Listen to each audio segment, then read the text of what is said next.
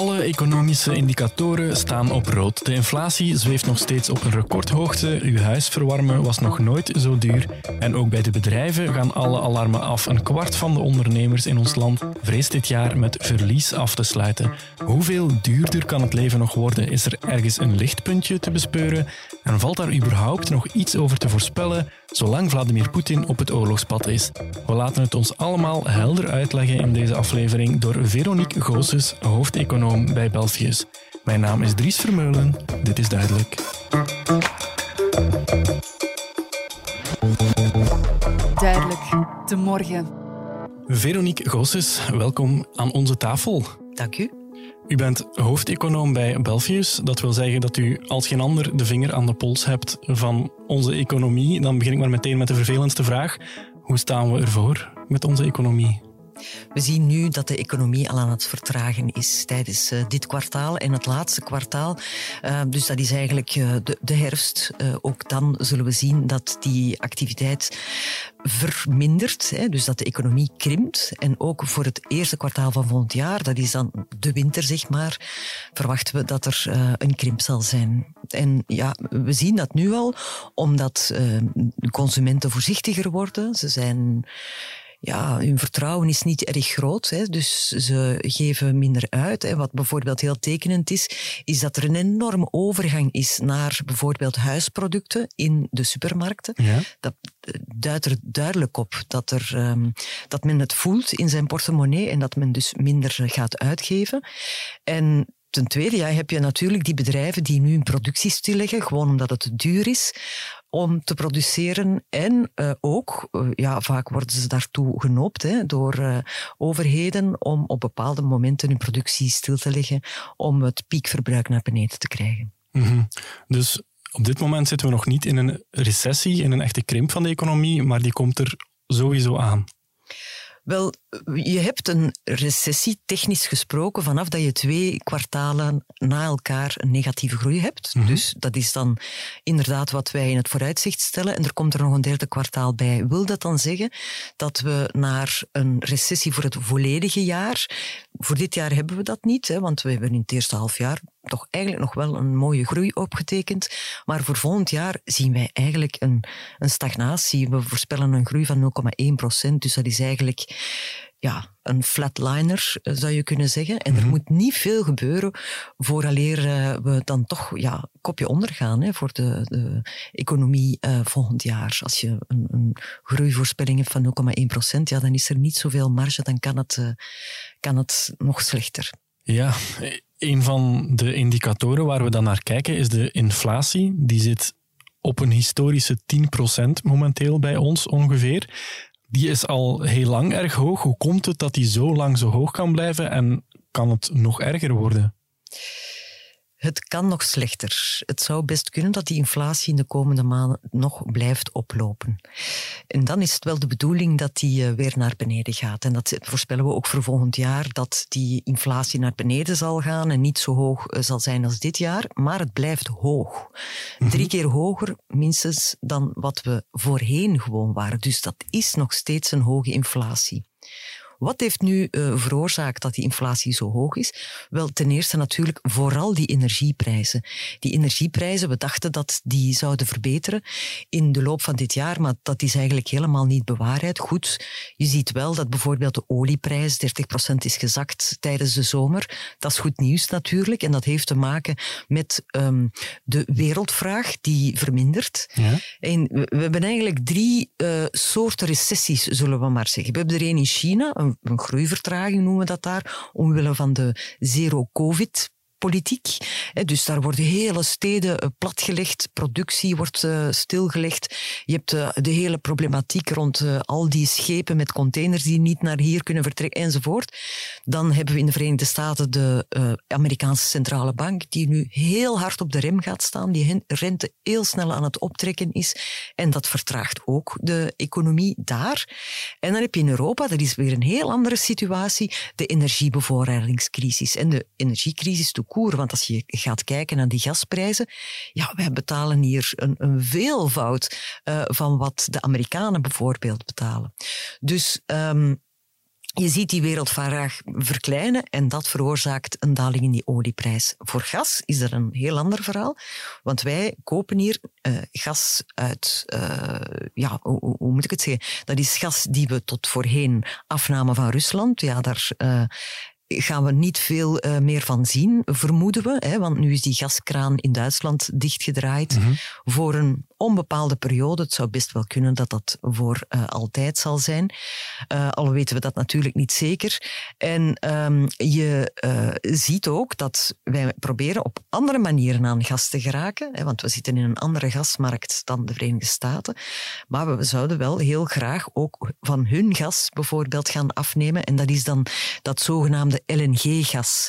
Dat nu ook natuurlijk in prijs aan het stijgen is, omdat ja, wij zijn plots grote vragers van dat soort van gas. En als je meer vraag hebt, dan uh, betekent dat ook dat die prijzen aan het stijgen zijn. Dus eigenlijk wat we hier in Europa meemaken is echt heel sterk gasgerelateerd en weerspiegelt eigenlijk perfect die grote afhankelijkheid die we ja. hebben ten aanzien van Rusland en die we nu in snel tempo proberen af te bouwen natuurlijk. De voorbije weken zagen we dan dat die gasprijzen toch weer wat aan het dalen waren. Dat leek even goed nieuws. Het ergste leek even achter de rug. Maar nu woensdag, Vladimir Poetin kondigt een gedeeltelijke mobilisatie aan. En daar gaan die gasprijzen weer de hoogte in. Hebben we dat nog op de een of andere manier in de hand? Valt daar nog iets over te voorspellen? Of hangen we hier volledig af van wat er in die oorlog gebeurt? We hangen natuurlijk uh, voor een belangrijk stuk af van die oorlog, maar wat we nu proberen te doen is alternatieven zoeken. LNG ja. is daar een voorbeeld van. Versneld investeren in alles wat hernieuwbare energie uh, is. Ook dat uh, is aan het gebeuren, maar dat neemt tijd. Mm -hmm. dat, dat doe je niet overnight. Dus dat ja, maakt onze positie nogal fragiel wat dat betreft. Daarom worden er ook ja, toch wel stevige maatregelen genomen. Hè. Bijvoorbeeld verplichting van Europa om de elektriciteitsproductie uh, of de elektriciteits, het verbruik ervan, om dat met 10% terug te dringen. Dus we, we, we, gaan allerlei zaken moeten doen om uh, dit door te komen. En alles hangt af, want je zou misschien eens een podcast moeten doen met de weerman, um, om eens te horen wat gaat de winter geven. Want dat is nu echt een heel belangrijke variabele ja. in het fenomeen dat we eigenlijk zien afkomen. Alleen die, die weersomstandigheden en de koude die we zullen moeten gaan trotseren, zal een heel belangrijk stuk van, uh, van dat verhaal zijn.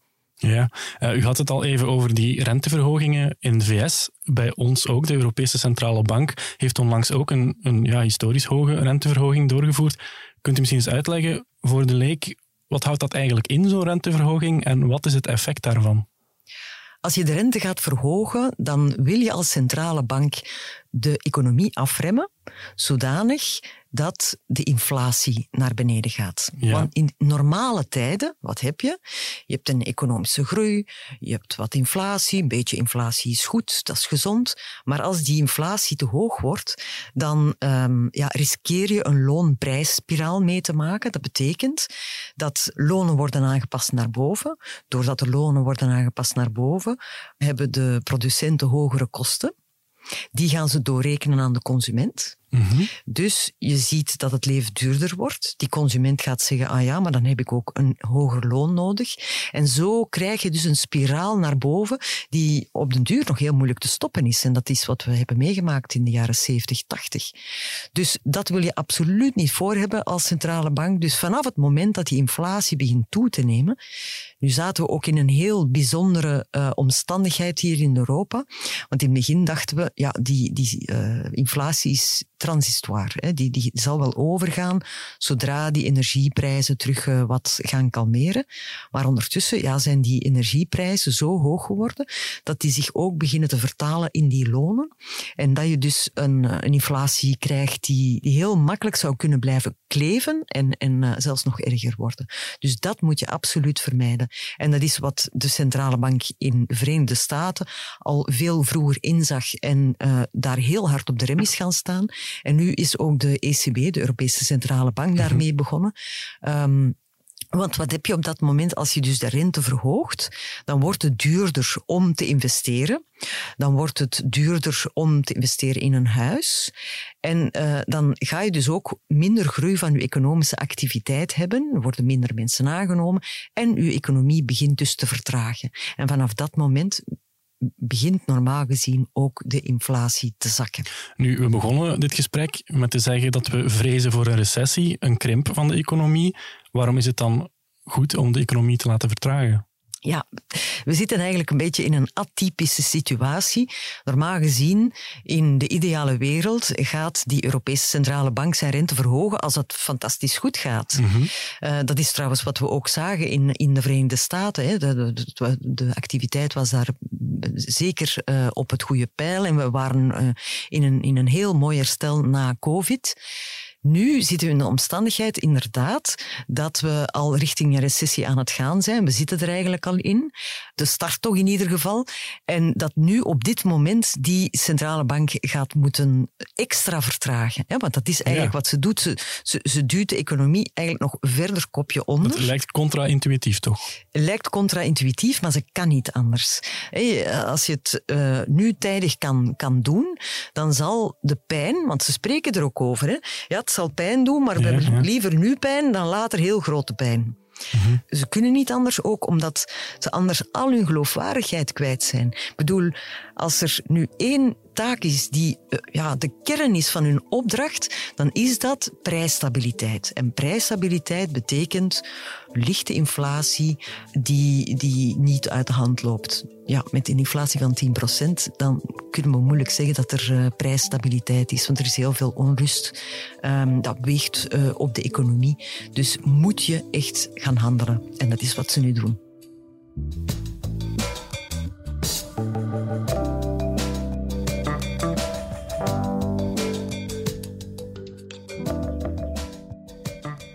We hadden al op steun gevraagd en we hadden het ook al gemerkt omdat bij onze Unizo ondernemerslijn uh, ondernemers bij ons te raden kunnen met vragen en reacties. En daar merken we nu toch al enkele weken dat, uh, dat de bezorgdheid bij de ondernemer bijzonder groot is. Want stilaan zien ze niet meer hoe ze het moeten doen. Hè. Je hebt de energieprijzen, je hebt de loonkosten die of al gestegen zijn of in januari gigantisch gaan stijgen. Mhm. Je hebt de prijs van de grondstoffen. Ik hoor daar net weer het debat bijvoorbeeld over de jobbonus. Dat is opnieuw een ondersteuning aan de consument. Wel, men vergeet dat ondernemers en ondernemingen het op dit moment zo moeilijk hebben dat zij twijfelen over hun toekomst. We horen de getuigenissen van, van zodra ik morgens mijn licht aansteek, ja, begin ik verlies te maken. Eén op de vier ondernemers zegt nu al dat ze dit jaar met verlies gaan afsluiten.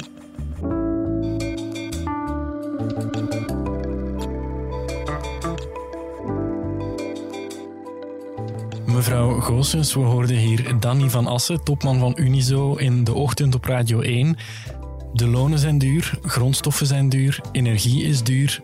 Ondernemers in ons land zien het niet meer zitten. Volgens de jongste KMO-barometer van Unizo, die meet hoeveel vertrouwen de ondernemers hebben in de toekomst, ja, lijkt dat op het laagste niveau te zitten sinds het ergste punt in de coronacrisis. Eén op de vier ondernemers vreest dit jaar te moeten afsluiten met verlies. Zien we hier in de verte een golf van faillissementen aankomen? Op dit ogenblik zien wij bij de bank in elk geval nog geen of quasi uh, geen bedrijven die echt in, in terugbetalingsmoeilijkheden komen. Okay. dus, uh, maar ja, het, het, is een kwestie van tijd, want je voelt heel erg, en uh, ik denk dat um, Unizo dat terecht aanhaalt, dat er enorm grote ongerustheid is over de ontwikkeling van de inflatie, over de loonkosten en, en de, de energieprijzen. En inderdaad, dat zal voor heel wat bedrijven tot verliezen leiden. Mm -hmm. Dus het is duidelijk dat het 5 voor 12 is, of zelfs ja, 1 uh, voor 12 voor de bedrijven, of voor een hele reeks bedrijven. Nu, we moeten ook zeggen dat heel wat van die bedrijven vorig jaar mooie winsten hebben opgetekend en wel wat druk aan kunnen um, en in hun reserves kunnen, kunnen tasten daarvoor. Maar dat is niet oneindig natuurlijk. Hè. Die situatie zou eigenlijk niet meer te lang mogen aanhouden. Ja. En wat daar enorm belangrijk is, is onze competitiviteit ten aanzien van het buitenland. Dus als uh, de producten hier in uh, België duurder worden, omwille van het feit dat ze hogere kosten hebben dan in het buurland, uh, in de buurlanden, en dan heb ik het voornamelijk over de loondruk die ze ervaren door de automatische loonindexering, dan kan het zijn dat bedrijven over de kop gaan omdat ze niet meer competitief zijn met vergelijkbare bedrijven in het buitenland. Dus dat is toch wel iets om goed in het oog te houden. We komen natuurlijk net uit die coronacrisis, waarin bedrijven al heel wat overheidssteun gekregen hebben. De federale regering heeft net nog de accijnzen verlaagd op gas en elektriciteit, heeft ook een nieuw systeem van tijdelijke werkloosheid ingevoerd, zoals ze dat ook met corona heeft gedaan. Ja, op de duur is het geld wel op natuurlijk. Hè. onze overheid zat al met diepe putten. Is er nog meer dat men kan doen? Um, deze situatie begint eigenlijk erg tegelijk op het begin van COVID, hè, waarin mm allerlei uh, maatregelen werden genomen. Uh, ik weet dat we ook toen zeiden, ja, maar het geld is op, wat kan een regering doen? En toch hebben we het gedaan. Het is namelijk zo dat toen hadden we een schok die van buitenaf kwam. Namelijk een pandemie die ons leven stillegde, uh, omdat regeringen dat oplegden, maar dat was nodig. Anderzijds hebben we nu hetzelfde voor. Dat is ook een externe schok, namelijk een oorlog die die energiecrisis veroorzaakt. Dus is het ook logisch dat de regeringen in dit land opnieuw bijspringen om de zaken te verbeteren. Banken doen dat trouwens ook. En er is opnieuw een mogelijkheid om je um, uh, lening over twaalf maanden even te stoppen met betalen. Interestbetalingen gaan gewoon door, maar de kapitaalaflossingen die kan je um, uitstellen als je onder bepaalde aan bepaalde voorwaarden voldoet. Je moet bijvoorbeeld een afbetalingsplan hebben aangevraagd bij je energieleverancier. Je mag niet te veel spaargeld hebben, want er wordt verondersteld dat je daaruit kan putten als, als je het wat, eh, tijdelijk wat moeilijker krijgt. Maar uh, ja, we, verwachten inderdaad dat er nog wel een aantal zaken zullen gebeuren. Het, het goede nu is dat de, de regeringen het nu meer gericht gaan doen. Ja. Tijdens de pandemie was het een one size fits all om heel snel te kunnen ageren, maar ondertussen hebben we natuurlijk ook geleerd van die crisis. En is het mogelijk geworden om het toch ja, vooral te doen voor die bedrijven of die gezinnen die het het hardst nodig hebben. Um, want dat is niet voor iedereen zo natuurlijk. Alhoewel ja, inflatie iedereen pijn doet, het doet mhm. voor sommige mensen wel heel erg pijn en voor anderen iets minder. Dat brengt ons bij de vraag: gaat het geld op dit moment naar de juiste mensen? Uh, vrijdag zit de Vlaamse regering bijeen om tot het gaatje te gaan, zowel wat betreft de energiemaatregelen als de begroting. Wat ze daar willen doen is voornamelijk de middenklasse, de koopkracht van de middenklasse versterken, ofwel met een jobbonus, ofwel met een indexering van de kinderbijslag. Is dat de juiste keuze op dit moment om vooral die groep te gaan helpen? Ik denk dat wel. Ik denk uh, dat de, de middenklasse zeker ook gesteund mag worden. Mm -hmm. um, uiteraard in de eerste plaats de kwetsbare gezinnen. Maar ik begrijp de uh, tendens nu ook om die middenklasse, die het ook wel moeilijk heeft, om die, uh, om die bij te staan. Ja. Vindt u dat de regeringen in ons land voor de juiste maatregelen kiezen? Hadden ze deze crisis anders, beter kunnen aanpakken of doen ze het op dit moment goed? Ik um, kan mij voorstellen dat dit een bijzonder moeilijke periode is voor, uh, voor de regering. Dus ja, ik zou zeggen, doe het snel genoeg. Mm-hmm. Kom snel overeen. Maar waar ik uh, een beetje voor vrees, is het debat dat we gaan krijgen over de loonindexatie. Dus um, wat je zal zien, is dat in heel veel sectoren, want dat wordt overal op een andere manier toegepast bij mij bijvoorbeeld in de banksector uh, gaat dat om de twee maanden, die automatische loonindexering. Maar andere beroepen hebben bijvoorbeeld één keer per jaar een aanpassing. En er zit er een grote aan te komen in januari, waar je dus in heel wat sectoren uh, de, de, de, de, lonen met 10% zal omhoog zien gaan. Mm-hmm. Ja, nu al vragen de werkgevers, en, en je ziet het, hè, Danny Van Assen die verwees er ook naar, dat er een enorme druk uh, ligt op die ondernemers om ja, daaraan te sleutelen of zaken te gaan doen die die loonkosten niet doen exploderen. De vakbonden en de werkgevers die gaan daar nu over onderhandelen. Dat is eigenlijk uh, wat uh, binnenkort gaat gebeuren in de groep van tien. En mm -hmm. ja, gezien de twee grote tegenstellingen. Hè. We, we, zien nu stakingen uh, van de vakbonden om meer koopkracht te hebben. En we zien die oproep van werkgevers van ja, doe het voorzichtig, uh, want wij staan met het mes op de keel. Die gaan daar heel moeilijk uit geraken. En op dat moment, wat je zal zien, is dat dat dossier, als ze er niet uit geraken, en dat, dat, dat zou best wel eens kunnen, dat dat op de tafel van de regering belandt. En dan zit je met zo'n uh, kleurrijke coalitie, zal ik het maar zeggen, dat het heel moeilijk wordt om, daar, om daaruit te geraken uh, uit de discussie. Dus dat worden nog zeer moeilijke maanden uh, die, uh, die ons te wachten staan. Wat de meeste luisteraars uiteraard op dit moment het meest zal interesseren, is die energiefactuur, is ook de prijs van een eenvoudige winkelkar. Ja, het gewone dagelijkse leven dat op dit moment bijzonder duur is. Ziet u dat op de een of andere manier verbeteren in de nabije toekomst? Valt er een inschatting te maken over hoe die prijzen de komende tijd zullen evolueren? De energieprijs is natuurlijk de meest prangende. Um, maar ik wil het ook even hebben over de voedingsprijzen. Maar de energieprijzen, alles zal afhangen van de maatregelen die nu genomen gaan worden. Zowel op Europees vlak, om te beginnen. Er wordt al een uh, kap gezet op de elektriciteitsprijs. Mm -hmm. Voor de gasprijs uh, was het blijkbaar nog iets te vroeg, maar ook daar zullen er wellicht maatregelen komen. Dan moet je nog een vertaling krijgen van dat beleid naar, naar ons land.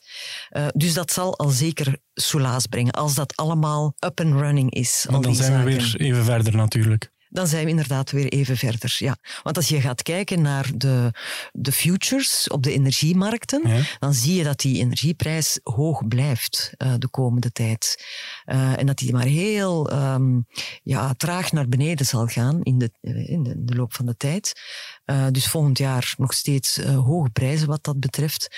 En uh, het, het, zal nooit meer, enfin, voor zover dat we kunnen kijken, hè, want mm -hmm. als je tien jaar verder denkt en je stelt je voor dat we in hernieuwbare energie bijvoorbeeld enorm veel geïnvesteerd hebben, dan zal energie goedkoper worden. Dus en dat zou ergens, dat is een hoopvol beeld natuurlijk, maar daar moeten we nog even op wachten. Tien jaar is dus lang, hè? Zo facturen tien... moeten blijven betalen. Ja, ja, inderdaad. Dus heel belangrijk is om zoveel mogelijk die energiefactuur naar beneden te krijgen. Wie het kan um, om investeringen te doen wat dat betreft, uh, je huis goed te, te isoleren.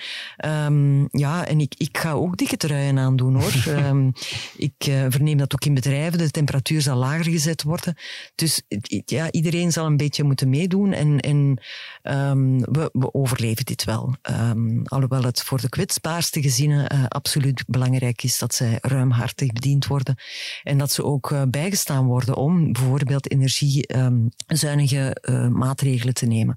Of dat bijvoorbeeld in de huurdersmarkt, waar heel wat uh, van die kwetsbare gezinnen zitten, dat eigenaars van die huizen ook een incentive zouden krijgen om die huizen dus goed te isoleren. Oké, okay, dat was energie. Waar ik mij nu zorgen over maak, zijn de voedselprijzen die enorm zijn gestegen. Ja. Dat heeft te maken met verschillende factoren. En je hebt natuurlijk bijvoorbeeld die aanvoer vanuit uh, Rusland en Oekraïne, die uh, problematisch was, in zaken graan bijvoorbeeld, maar ook uh, in zaken kunstmest. En wat zie je nu gebeuren? Dat is um, kunstmest is, is iets wat heel energieintensief is om te maken. En je hebt daar ook gas voor nodig. En nu zie je dus in Europa dat er heel wat van die producenten die, dat, uh, die ja, de basisgrondstof daarvoor maken, dat die productie beginnen stilliggen. En kunstmest, dat zit gewoon helemaal aan de basis van uw voedselketen, zal ik maar zeggen. Het kan repercussies hebben op werkelijk alles. Dus uh, wat dat betreft uh, hoop ik dat die, die voedingsprijzen toch wel onder controle blijven. En dat er niet opnieuw speculatie ontstaat. Want wat we de voorbije maanden gezien hebben, naar aanleiding van al die onzekerheden in de markt, is dat sommigen uh, daar toch wel aan verdiend hebben, gewoon puur uit speculatie. En daar zou je toch wel regelgeving voor moeten maken dat zoiets niet kan. Want ik vind dat onaanvaardbaar. Uh, in een wereldmarkt waar, uh, waar zoveel mensen ook honger lijden, dat je uh, met voedselspeculatie geld kan verdienen. -hmm. Het is een aflevering geworden met weinig lichtpuntjes, mevrouw Goossens. Dat was natuurlijk te vrezen. Maar zijn er ook dingen waar we wel een beetje optimistisch over mogen zijn? Het, wordt, het, het, zal nu eventjes uh, afwachten zijn wat de, de maatregelen zijn om, uh, om die schok die we nu toch meemaken, om die wat te verzachten. En ik denk dat men echt gaat doen wat mogelijk is. De komende maanden worden gewoonweg economisch moeilijk. Maar Ik heb een lichtpunt. Ah, de arbeidsmarkt is eigenlijk heel uh, goed op dit moment. Er zijn nog nooit zoveel mensen aan het werk geweest. Ja, klopt. En dat is, macro-economisch is dat heel goed, want dat is eigenlijk een bescherming van uw beschikbaar inkomen. En de arbeidsmarkt is zo krap Oké, er zullen wel wat eh, problemen komen bij de bedrijven, maar ze gaan de mensen niet zo snel ontslaan. Waarom niet? Omdat het zo moeilijk is om nieuwe mensen te vinden. Dus ze gaan die liever bijhouden. Daarom ook dat uh, systeem van tijdelijke werkloosheid, zodanig dat je als bedrijf die, die mensen kan houden. Mm -hmm. En dat is eigenlijk heel positief nieuws. Dus het, uh, het, het, de consument mag relatief oké zijn met het idee van, kijk, mijn job is relatief, relatief tussen aanhalingstekens, maar ik, ik durf dat eigenlijk wel, wel uitspreken, relatief goed beschermd. Uh, net omwille bijvoorbeeld van dat systeem en net omwille van het feit dat die arbeidsmarkt uh, zo krap is. Ja, een van de oorzaken is die, die massale uitstroom van de babyboomers en, en een kleine instroom van, van schoolverlaters. En dat maakt dat die arbeidsmarkt uh, ja, stilletjes aan, aan het krimpen is en dat het zeer moeilijk is eigenlijk om, uh, om mensen te vinden. Dus eigenlijk is dat toch wel positief. Mevrouw Goossens, ik onthoud dat ik hier snel een weerman moet uitnodigen en moet hopen dat hij zegt dat het een zeer zachte winter zal worden. Ik hoop het zo.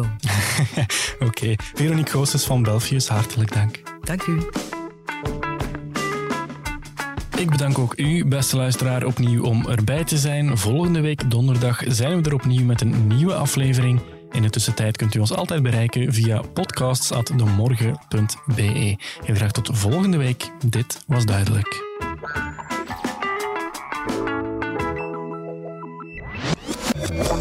Duidelijk, de morgen.